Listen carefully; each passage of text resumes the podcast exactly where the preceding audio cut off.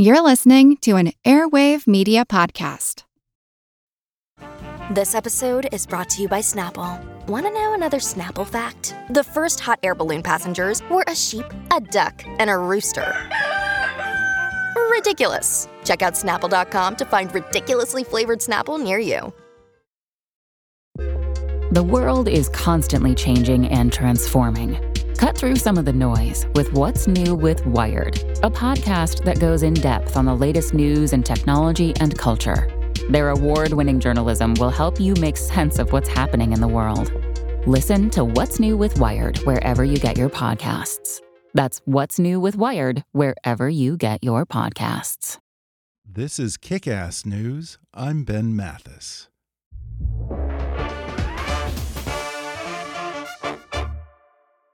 Hi, I'm Ben Mathis. Welcome to Kick Ass News. Last year, Michael Wolff's book Fire and Fury skyrocketed to number one on the New York Times bestseller list, with its account of palace intrigues inside the Trump administration and shocking details of the president's pettiness, lack of ethics, and at times outright hapless buffoonery. Now, Michael Wolff follows it up with his latest book, Siege Trump Under Fire, an equally explosive book about the presidency that is under attack from almost every side. Beginning just as Trump's second year as president is getting underway and ending with the delivery of the Mueller report, Siege reveals an administration that is perpetually beleaguered by investigations and a president who is increasingly volatile, erratic, and exposed. And today, Michael Wolff joins me on the podcast to talk about the book and how he got so many of his original sources to talk to him again, even after President Trump threatened to prosecute leakers.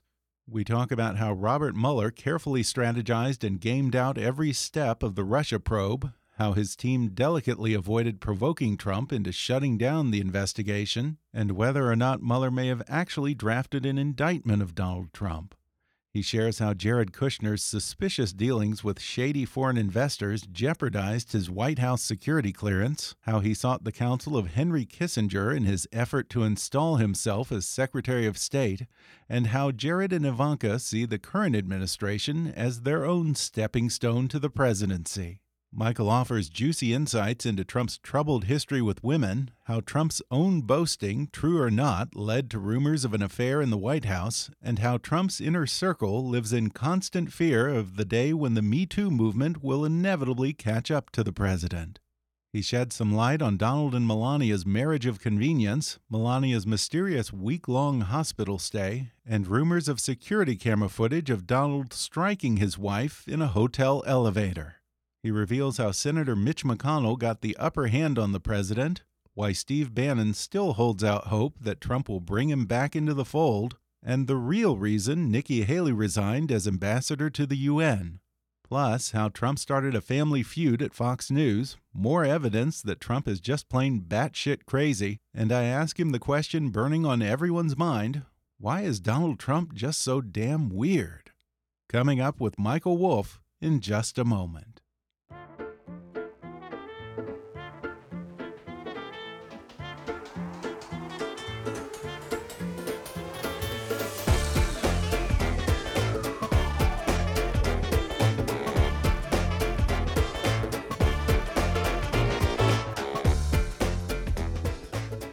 Michael Wolff is the author of Fire and Fury, the number one bestseller that for the first time told the inside story of the Trump White House. He's received numerous awards for his work, including two National Magazine Awards. The author of seven previous books, he's been a regular columnist for Vanity Fair, New York, The Hollywood Reporter, British GQ, and other magazines and newspapers. Now he's following up his bestseller Fire and Fury with an equally revealing portrait of Trump's second year in office. It's titled Siege Trump Under Fire. Michael Wolff, welcome to the podcast. Thanks for having me. Well, Michael, I think you say that you have 150 sources for Siege. How many of those were repeat customers from Fire and Fury? Yeah, many were. I mean, that's really the origin of this of this second book. Is that after the first book, everybody kept speaking to me, so it was a um, a, a, natural segue. The story went on, and um, and the people talking about the story uh, continued to talk. So um, here I am. Let me ask you this, Michael. How did you get so many of these Trump insiders to talk again, especially after Trump threatened to prosecute any leakers? Aren't they afraid? Well, you know, most of the people who um, who have spoken to me actually are out of the White House now. In fact, most of the people who, um, matter of fact, uh, um, the White House is practically speaking empty now.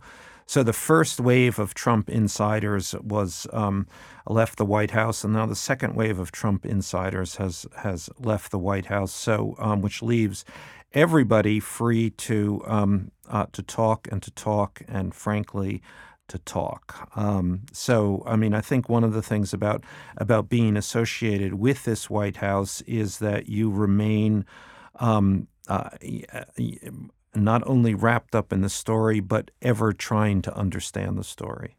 One of the people who participated in both books and has been pretty open about it was Steve Bannon.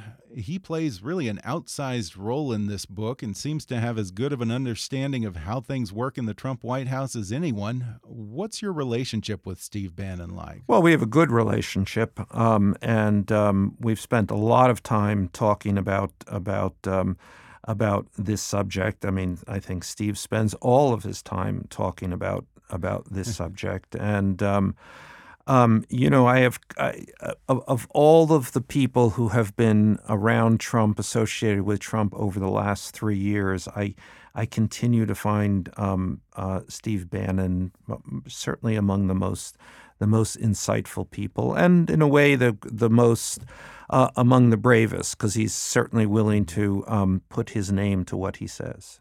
Uh, yeah, and it's interesting that a guy who's been outside of the Trump administration for what something around a year now, of all the people, he seems to have probably a more accurate sense of what's going on and who Trump is than probably anyone who's still in Trump's inner circle. Uh, why does he have such access? How does he know these things? Well, I, I, mean, I think I think um, to be outside, it's it's a weird kind of kind of outsideness. Um, um, because both Trump and Bannon remain focused on each other. Um, mm.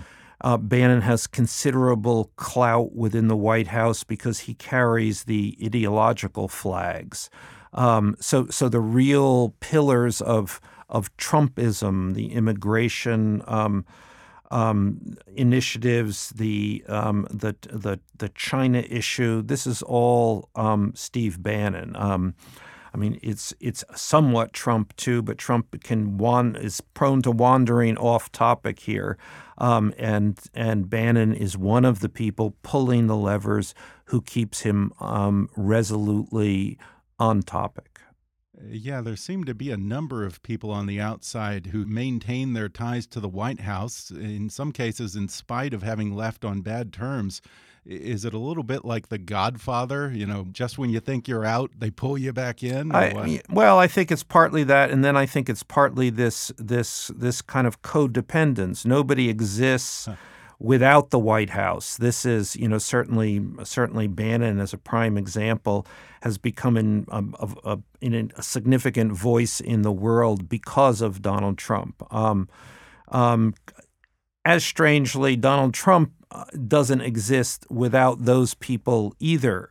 Um, you know, and again, again to Bannon, Donald Trump becomes the president of the United States because of Steve Bannon. There's really no other. Um, uh, um, uh, Steve really remains uh, the the crucial piece of the puzzle there. Uh, so so they they go back and forth. They they they um, love each other. They hate each other. They're attracted to each other. They're repelled by each other. Um, it, it's a it's a totally fascinating and and pretty naked personal drama. You have some interesting insights into the Trump Bannon relationship. In fact, you say Trump's misfortune has always been Bannon's opportunity. Can you give some examples of that? Well, I, th I think you know uh, Bannon went into the campaign in in um, um, in August 2016. Trump was down by I um, you know 17, uh, something like 15 to 20 points down. Um, you know the campaign was basically on life support, if that. Um, um, the uh, you know the um, the Republican Party was about to cut cut cut the campaign loose. Um, uh, Bannon came in, righted the ship, um, had a strategy for um, for how they could thread the needle and, in fact, win, and that's and that's what happened. Um, and right now, I would I would say that um, it is on both of their minds um, whether to whether whether Bannon becomes involved with the um, uh, with the 2020 campaign. Um, now that's hardly simple because because Trump can can can barely abide the idea that that um, uh, that he might again be in the position where people go around and say he owes his presidency to Steve Bannon. Um, and yeah. Steve Bannon can barely abide the possibility of having to work again for Donald Trump, uh, um, um, a man among um, for for all other beyond all other issues, a man who is extremely unpleasant to work for. Bannon's hardly the only person around the president who has an agenda. Parts of this book read a lot like Game of Thrones.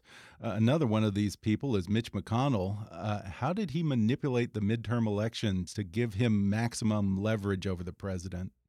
Well, you know, uh, from um, uh, you know, well more than a year ago, um, McConnell started to say to people that the House was lost and they should um, and this is basically to donors, they should write off the House the House race and put all their money into the Senate. If they held, they could hold the Senate. They would hold the Senate, especially um, if they had if they had the resources. Um, and that's what happened. And that, you know, in a um, pretty particular way, makes Mitch McConnell the kingmaker.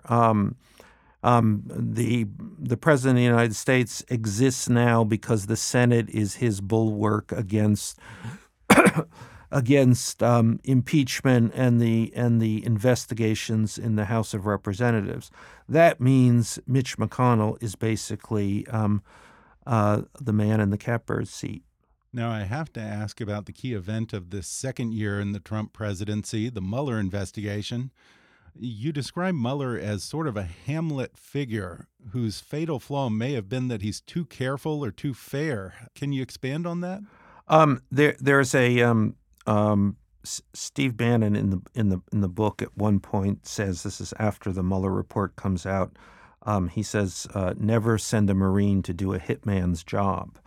Um, and, and and I think what that what that means is that in the in the um, in the ultimate analysis, um, uh, Robert Mueller, who who m- many anti-Trump people had vested um, a, a, kind of hero's aura uh, around, um, turned out to be a, a, a, man much more interested in um, protecting the institutions. Um, and my own theory here, and and you know, I have some um, I have a set of of, uh, of, of documents which shed some light on what was going on in the um, in the Mueller investigation over the last last last two years. And but my own theory in in, in reading these these these documents is that is that Mueller made the decision that that he stood between. Um, between a president who, if he confronted him directly, would provoke a the mother of all constitutional crises. Um, and so I think he proceeded in a um, in a in you know you could call it a um, a, half a set of halfway measures or um, um, a, a, a, significantly more uh, unconfrontational manner. Um, and in the, in the end, they produced a, a report which is damning to the president, but in fact, uh, at least at least at this point, seems to let the president survive. You know, I've, I've run th- through this in my mind, thinking what would ha- what would happen if it was if it were someone else, um, and I and I kind of played the scenario out. What would happen if, in a kind of parallel universe, it had been somebody like Rudy Giuliani who um, who was the special prosecutor. And, and in, in, in that instance, I would say certainly a Rudy Giuliani type would have indicted that son of a bitch. Well, since you brought him up, uh, when Trump brought Giuliani on his legal team, you say that everyone in the administration thought that he was drunk or he had dementia or he was nuts every time he went on Fox News, In, including including including the president, Yeah. who would often often point out that Rudy is losing it. Yeah. Uh, but you also say that his craziness worked from a PR standpoint. Is Rudy crazy or is he crazy like a fox? Yeah, you know, I think that's the question about many people in this in this administration, and um, I tend to think um, I tend to think they're just crazy. Um, but just because you're um, just crazy um, doesn't mean that craziness can't work for you. And I, and I think that was one of the other things about about Mueller and how he responded to this. Mueller is a conventional guy. He's a straight shooter. It's all um, he he he plays plays by the book, and suddenly you're confronted with these guys who respond in completely unconventional ways, crazy ways. Um, um, you're you're it's it's an it's it's an asymmetry that I, I think profoundly confuses anybody who's used to working within the within the the, the guidelines of establish the established process. Now, you've made the claim in this book that Mueller had a draft indictment drawn up against Trump for obstruction. Uh, recently, a Mueller spokesperson put out a statement saying that your characterization was inaccurate. Do you still stand by that? Well, yeah. Well, let me let me um, say they the Mueller people said um, the doc. I think their exact statement was the documents as described do not exist. Um, so to me, that's an old-fashioned non-denial denial. Um, and so I've I've gone around trying to um, uh, precisely explain um, um, the thing that that I have, which demonstrably exists because it's it's um, it's in my hands. but what I have is a um, um, is a is a a 56 page memorandum, and it assumes that the president has been indicted, and further assumes that the um, that that the president has gone into court and asked for that indictment to be dismissed on the grounds that you can't indict a sitting president. The document, the 56 page document I have, is in response to, to the president's motion. And it has it's comprised of two parts. The first part of about 20 pages recaps all of the specifics of a three count indictment. Um, and that's what I refer to as the draft indictment. The second part of this um, um, um, memorandum is a very powerful argument about why the special counsel can, in fact, indict a sitting president. And one thing that you say is that Mueller was constantly strategizing and trying to prepare for all possible outcomes, which can be sort of hard since the president is just so erratic. Is it possible that this was just an option he wanted to keep in his pocket if worst came to worst, or do you think he seriously was weighing it? I, I'm sure. I'm sure it was. Obviously, obviously, he he was not. They did not indict the president. So, um, but um, you you know this this you know the the Mueller investigation, which has run for two years, and you know um, um, happened. Um, um, you know, within this incredible cone of silence. So we don't know what happened there, but it did go on for two years. So something must have happened. And I think it would be pretty much inconceivable that they did not um, uh, consider the terms of a possible indictment and did not debate their um, their in their in fact right to indict the president. So um, I'm, I'm I, I you know first thing my my source is impeccable here, and I'm going to absolutely stand by the fact that that um, that what I'm offering here is is the is a window in a way the first window into eh, into what was going on behind those doors for the past two years. This also seems indicative of the kind of gamesmanship that went into the Mueller investigation from how could they possibly keep the investigation going without provoking Trump to shut it down to uh, weighing whether they should ask Brett Kavanaugh to recuse himself if an indictment went to the Supreme Court. It, it seems like the Mueller team had to always be one step ahead of the president. Well, I, I, I think one of the things that I that that I also have, I have a set of of, of research documents, um, and um, and the, these these documents are all about the the the vulnerabilities of the special counsel's office. Mm. And the conclusion when you when you read these these documents, and they really ask a set of very specific questions: Can the president himself fire uh, the special counsel? Um, answer: Yes. Um, um, what happens to the work product if the um, um, if the investigation is closed down? Answer No one knows, but it is quite possible that all of the work product could be shredded. It goes on with these these kinds of questions, and and what you what you learn after after reading these these um, uh, this uh, substantial research is that the the special counsel is really an, a very fragile construct. Um, they could they could have been closed down at at any point at any time and i think one of their goals became not just to um, to pursue a case against the president but um, but as much not to be shut down not to provoke that constitutional crisis along the way and I mentioned that the Mueller team was thinking so far ahead that they were considering whether to ask Brett Kavanaugh to recuse himself if this went to the Supreme Court. And I want to ask you about Kavanaugh. Uh, did Trump's estimation of his Supreme Court nominee wane as the confirmation hearings drug on? There's a lot in this book that's actually quite funny. It's sort of gallows humor, yeah. but it's it's funny. And um, and um, there, there's there's a scene. Um, n- not long after after Kavanaugh is nominated that somebody um, and several people have speculated that it was probably Trump's sister, a, a retired federal judge. Um, um, um, so this this person tells tells Trump that there are no Protestants on the Supreme Court.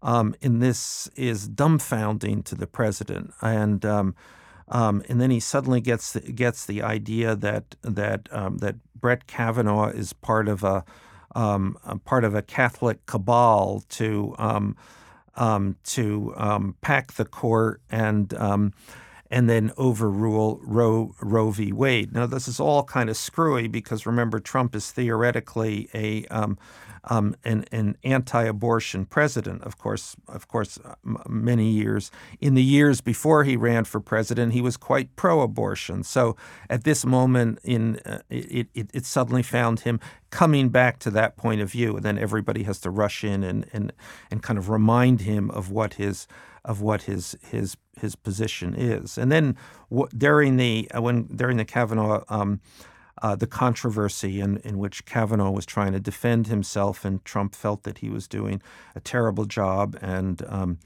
um, was coming off as quite a weakling. Then then then Trump got on the phone to people and said and said that um, uh, that that he thought Kavanaugh was probably abused by a priest. As I say, this is gallows humor. Yeah.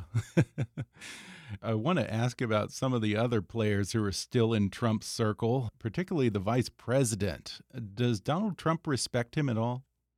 Uh, no, I mean he's a, he's oh, he he is constantly saying saying strange things about about about the vice president, like wondering why he looks at him like the way he looks at him, and and calling him a religious nut, and um, um, you know, and this this sort of follows a Trump pattern. You know, when when when people pay him, you know, seem like sycophants around him. Um, he he he's he sort of he he nearly always expresses their his contempt for them. Um, um, and so you, you know, and there's a lot of people have speculated that he doesn't like the vice president because because he somehow somehow sees the vice president as as plotting against him or waiting for his downfall to step up.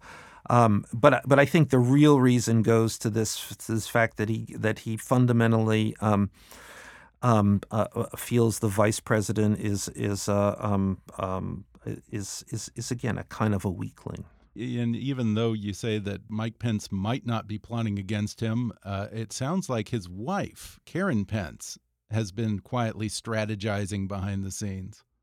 Well, you know, in the White House, um, um, Mrs. Pence is is called mother by everyone. Um, this is not a this is um, um, uh, not said with affection. Um, so she's kind of regarded as the power behind the um, the um, the vice presidential throne, as it were. Um, um, and about her too, I think Trump at one point says says that she, you know, she gives me the creeps. Um, um, and she was behind the plotting when when Trump nominated the the White House doctor Ronnie Jackson to be the head of Veterans Affairs. And that was a, a, a weird White House story because he had been the doctor in the White House, and then Mrs. Pence had gone to see him for um, um, um, for a, a a complaint, a, gyne- a gynecological problem, and then and then um, um, and then Dr. Jackson sort of um, uh, gossiped about this, and that got back to um, to Mrs. Pence, the mother, and um, and she really led the um, the campaign to. Uh, to derail his his nomination to the head of Veterans mm-hmm. Affairs.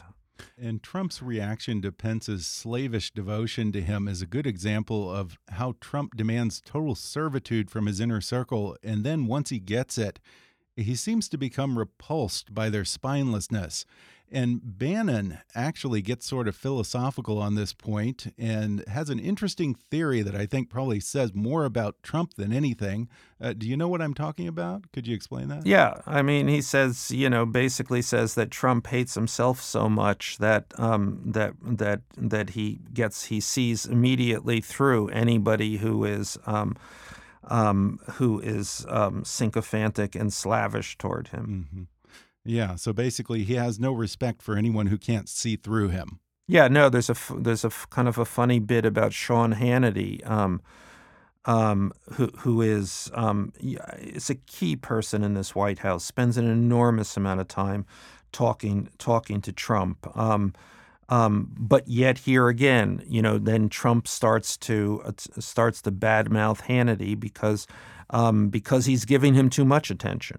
Yeah, and I want to ask you about Hannity and Fox News. To what degree do you think Trump has damaged the Fox brand and might have even been the reason for some of the rumors of a rift between Rupert Murdoch and his sons? You know, I, th I, think it's a really interesting thing that's that's happened there. Roger Ailes, uh, you know, used to, the um, the former head of the founder and former head of of Fox News uh, you know, would always caution against um, giving even a Republican president um, um, uh, the the the ability to call the shots at the network. Um, you know, the network. He was always very clear. The network was was was calling the shots. Um, and and damn it, the the Republican president, a Republican president, could fall in behind behind Fox, but not the other way around and that's in the and, and that's really what's what's happened here. I mean, after Ailes Ailes left, after Trump was was elected, um, uh, you suddenly you suddenly have a network where Trump is literally calling the shots. He is the um, um, in, in in some some um, um, not too subtle way. Um, he's communicating directly with the Fox control booth. Wow. Now, one of the marvels of this administration is how much diplomatic heavy lifting has been given to, of all people, Jared Kushner, who came to this job with no foreign policy experience. Does Jared see himself as a future Secretary of State?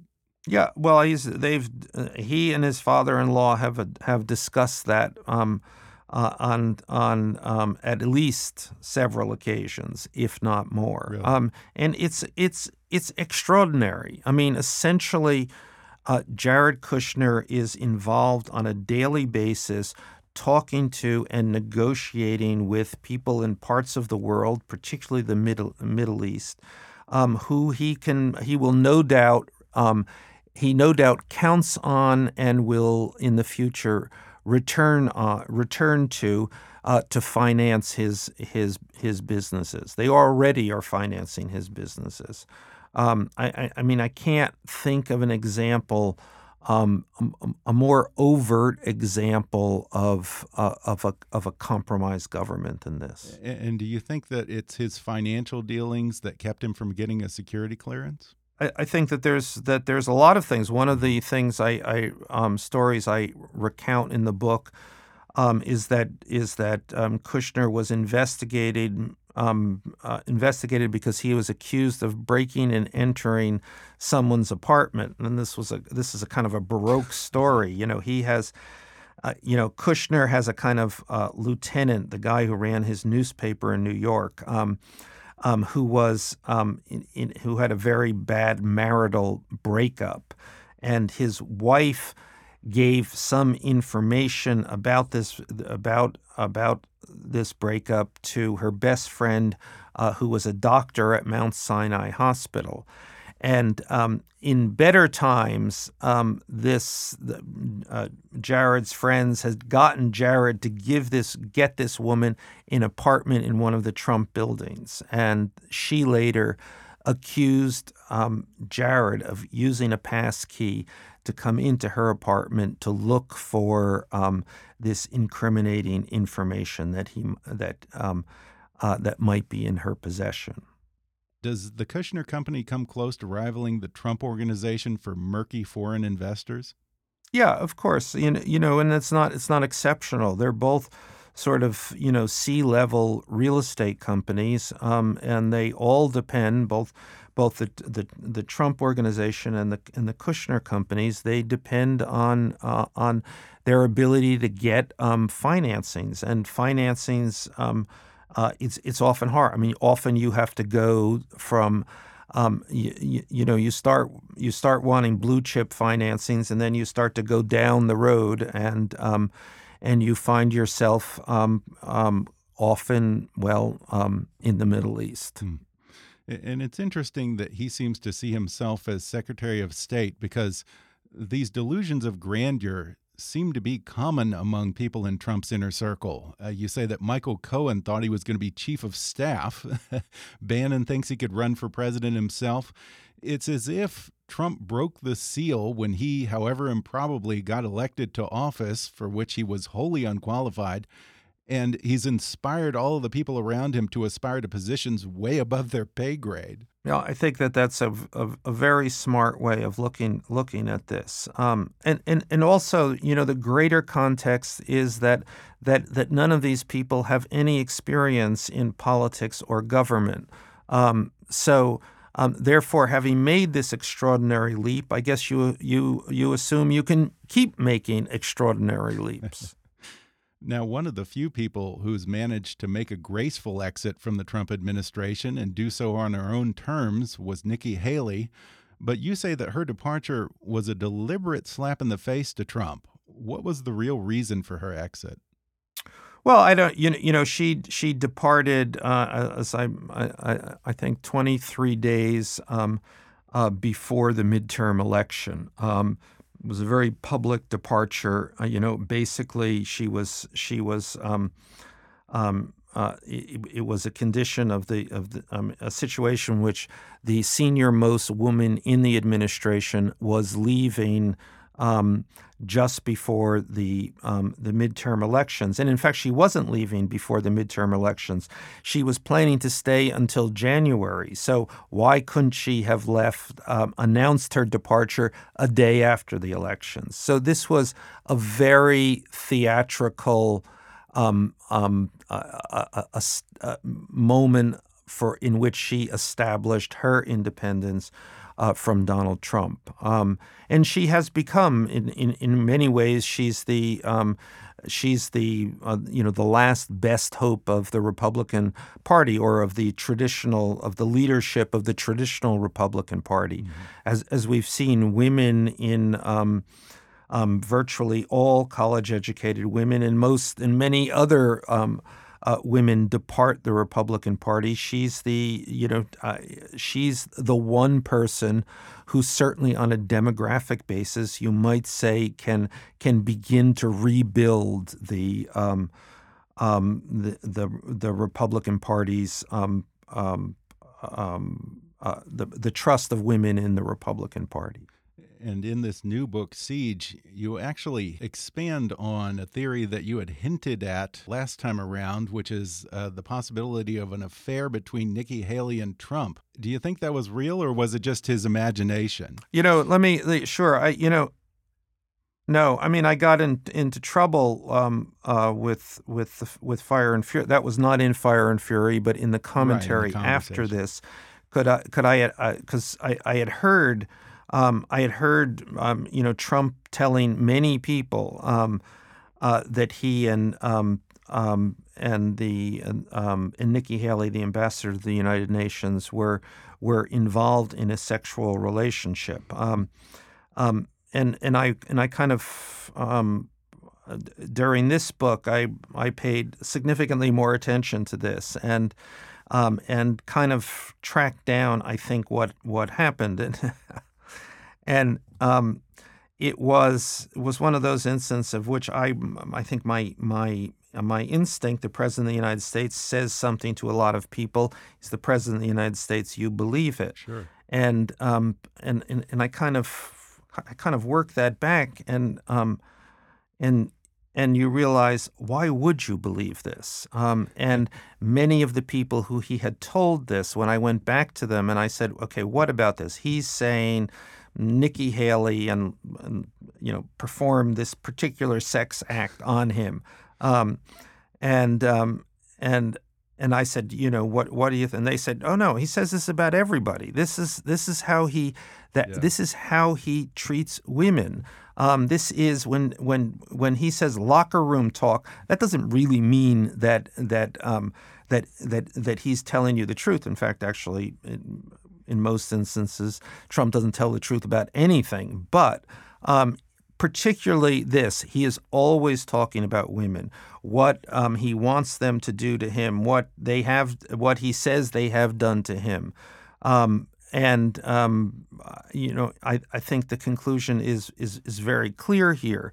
You know, Trump's default is always to demean women, um, and that has no relationship to the reality of of of what of what might actually have happened. Yeah. It is just the one way, the only way he knows how to see women. On the subject of Trump's improprieties with women, what does the Trump White House make of the whole Me Too movement? I mean, somehow Trump seems to be the one person who hasn't been held to account for his behavior. Do you think that still could be his eventual undoing? You know, uh, certainly. Um, I, I mean, it's a thing you never bring up Me Too in the White House. You never, ever, ever bring it up. Um, um, um, and and st- you know, Steve Bannon certainly thinks that it is the one of those one of those bullets of the many bullets out there that are aimed at Trump that might actually um, one day one day hit him. Um, and Bannon was was was was one of the key figures in um, a- after the um, uh, the Hollywood access, you know, grabbed them by the pussy tape. There were there were a set of women, I think I think 25 women who came out and said that Trump had had uh, had harassed or um, um, or even attacked them. Um, and, and, and Bannon said, you, you know, they were lucky. They were able to sort of sort of mash all. There were so many that everybody lost track of who was who was whom.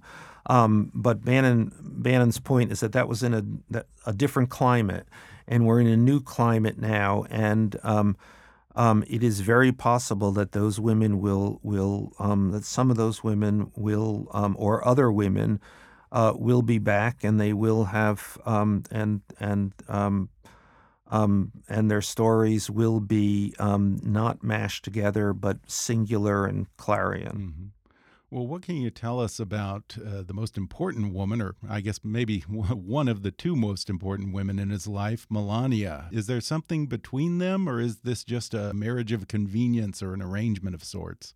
One of the people when in in the White House and the people around him, when when you ask them about this, and this is not a not a subject that anyone particularly wants to talk about, uh, for obvious reasons, but they almost all say they have never seen uh, a marriage. Um, and they talk about it as a you know Tom Cruise, Katie Holmes deal. Um, Melania doesn't really live in the White House. She really lives um, with her with her son and her parents in a in a house in Maryland. Um, um, you, you, you know, I'm you know a lot of people have have described the, the you know the you know having to turn away from how Trump treats his son, and that apparently is a is a is a major cause of of of distress in the in in, in their marriage. Um, you know, he doesn't like his his his his um, his youngest son. Uh, actually, other people go on to say he doesn't like any of his sons. He treats them all badly. But I think that this is a, this has been um, it's particularly, to say the least, hard issue for um, for his wife at this point. Uh, there was all kind of speculation when Melania was hospitalized for a week at Walter Reed.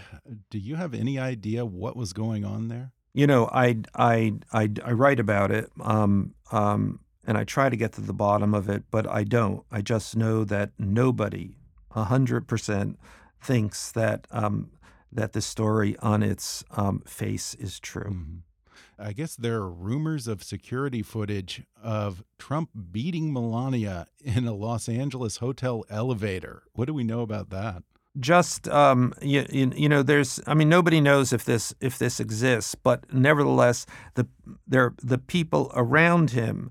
Um, first thing, I, um, uh, they don't at all discount that it might exist, um, and then they speculate when it might have happened. Um, and part of the speculation is that it happened at a um, um, um after a visit to a, to a lawyer in Los Angeles when they were um, discussing renegotiating their prenup. I mean, that's some pretty unhinged stuff, if that's true. I, you know, I mean, I think I think the whole the whole message of this book certainly is is that we are operating at, at, at the very least on the edge of the unhinged mm -hmm. every day. Uh, yeah, you say that a dozen different staffers have expressed something along the lines of, I've never met anyone as crazy as Donald Trump. So why do they work for him still?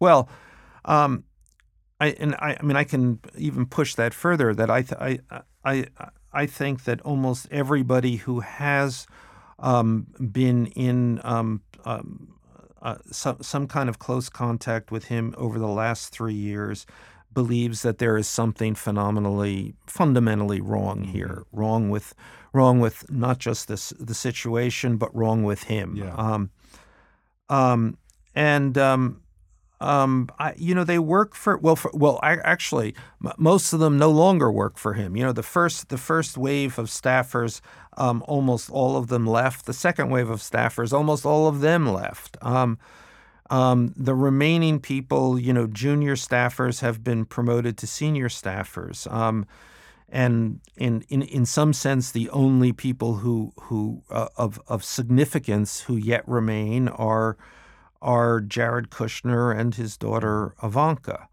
Um, so, you, you, know, I, I, I, think you can kind of analyze that people. Um, he's the president of the United States, and and so at least in the beginning, people went to work for him because he is the president of the United States. At this point in time, I think it's very hard for him to get anyone to um, uh, to come in work with him in close proximity. Um, you know, they had um, the the um, Mick Mulvaney is the chief of staff now, but he won't take the title of chief of staff. He's acting chief right. of staff. Um, um, and and um, and before that, um, after John Kelly, as John Kelly was, was, was leaving, Nick Ayers, who was the vice president's chief of staff, was supposed to take over the job, and in fact he did. But he started on a on a on a Wednesday um, um, as just as as John Kelly was transitioning out, um, and by the sun Sunday he quit and and told people he just you know that this was all just too crazy for him. Michael, beyond just the craziness of the guy, I'll tell you the word I always use to describe him is weird. Just he's just plain weird. Even in the small things in everyday life, I can't think of an instance where he does or says anything like a normal person would. I mean, if I met him at a dinner party, I'd probably be creeped out. Why is he so weird? Well, you know, I recount at a, at a dinner party. There, there's a there's a, a, dinner party described in the, in the in in the book where there's um, um, uh, you know the discussion was uh, was um, uh, you know I, I don't exactly know what the discussion was, but it involved uh-huh. um, uh, Viagra, and and um, and and Trump suddenly said in the middle of this discussion said said said I, I don't need a pill to um, make it go up. I need a pill to make it go down. Um, so it is always that that kind of thing. It's always yeah. Um, you know, not just a lack of fundamental manners and of fundamentally understanding um, how people relate to each other in a given situation. It's it's a man who just believes everything revolves around him. And it just keeps getting crazier and more interesting. I'm sure there'll be more than enough material for a third book. At, at the, as of as of this moment, I would say I hope not, but but yeah. we will see what happens. Well, once more, the book is called Siege: Trump Under Fire. Michael Wolff, thanks so much for talking with me. Thank you for having me. Thanks again to Michael Wolff for coming on the podcast. Order his new book, Siege, on Amazon, Audible, or wherever books are sold. Follow him on Twitter at, at Michael Wolff. Whatever struggles you're facing, from depression and anxiety to trauma and grief, BetterHelp can connect you with a professional counselor in a safe and private online environment. It's so convenient, you can schedule secure video or phone sessions, as well as chat and text with your therapist. And anything you share is completely confidential. Best of all, it's a truly affordable option. Kickass News listeners even get 10% off your first month with the discount code KICK. So why not get started? Simply go to betterhelp.com/kick and fill out a questionnaire to get matched with a counselor you'll love today. Again, that's betterhelp.com/kick. Be sure to subscribe to Kickass News on Apple Podcasts if you haven't already, and if you like what you're hearing, then rate and review us while you're there. Five star reviews are the easiest way for new listeners to find us. Don't forget to like us on Facebook and follow us on Twitter at, at KickassNewsPod. And feel free to email me with your thoughts, questions, and suggestions at comments at kickassnews.com. Until next time, I'm Ben Mathis, and thanks for listening to Kickass News.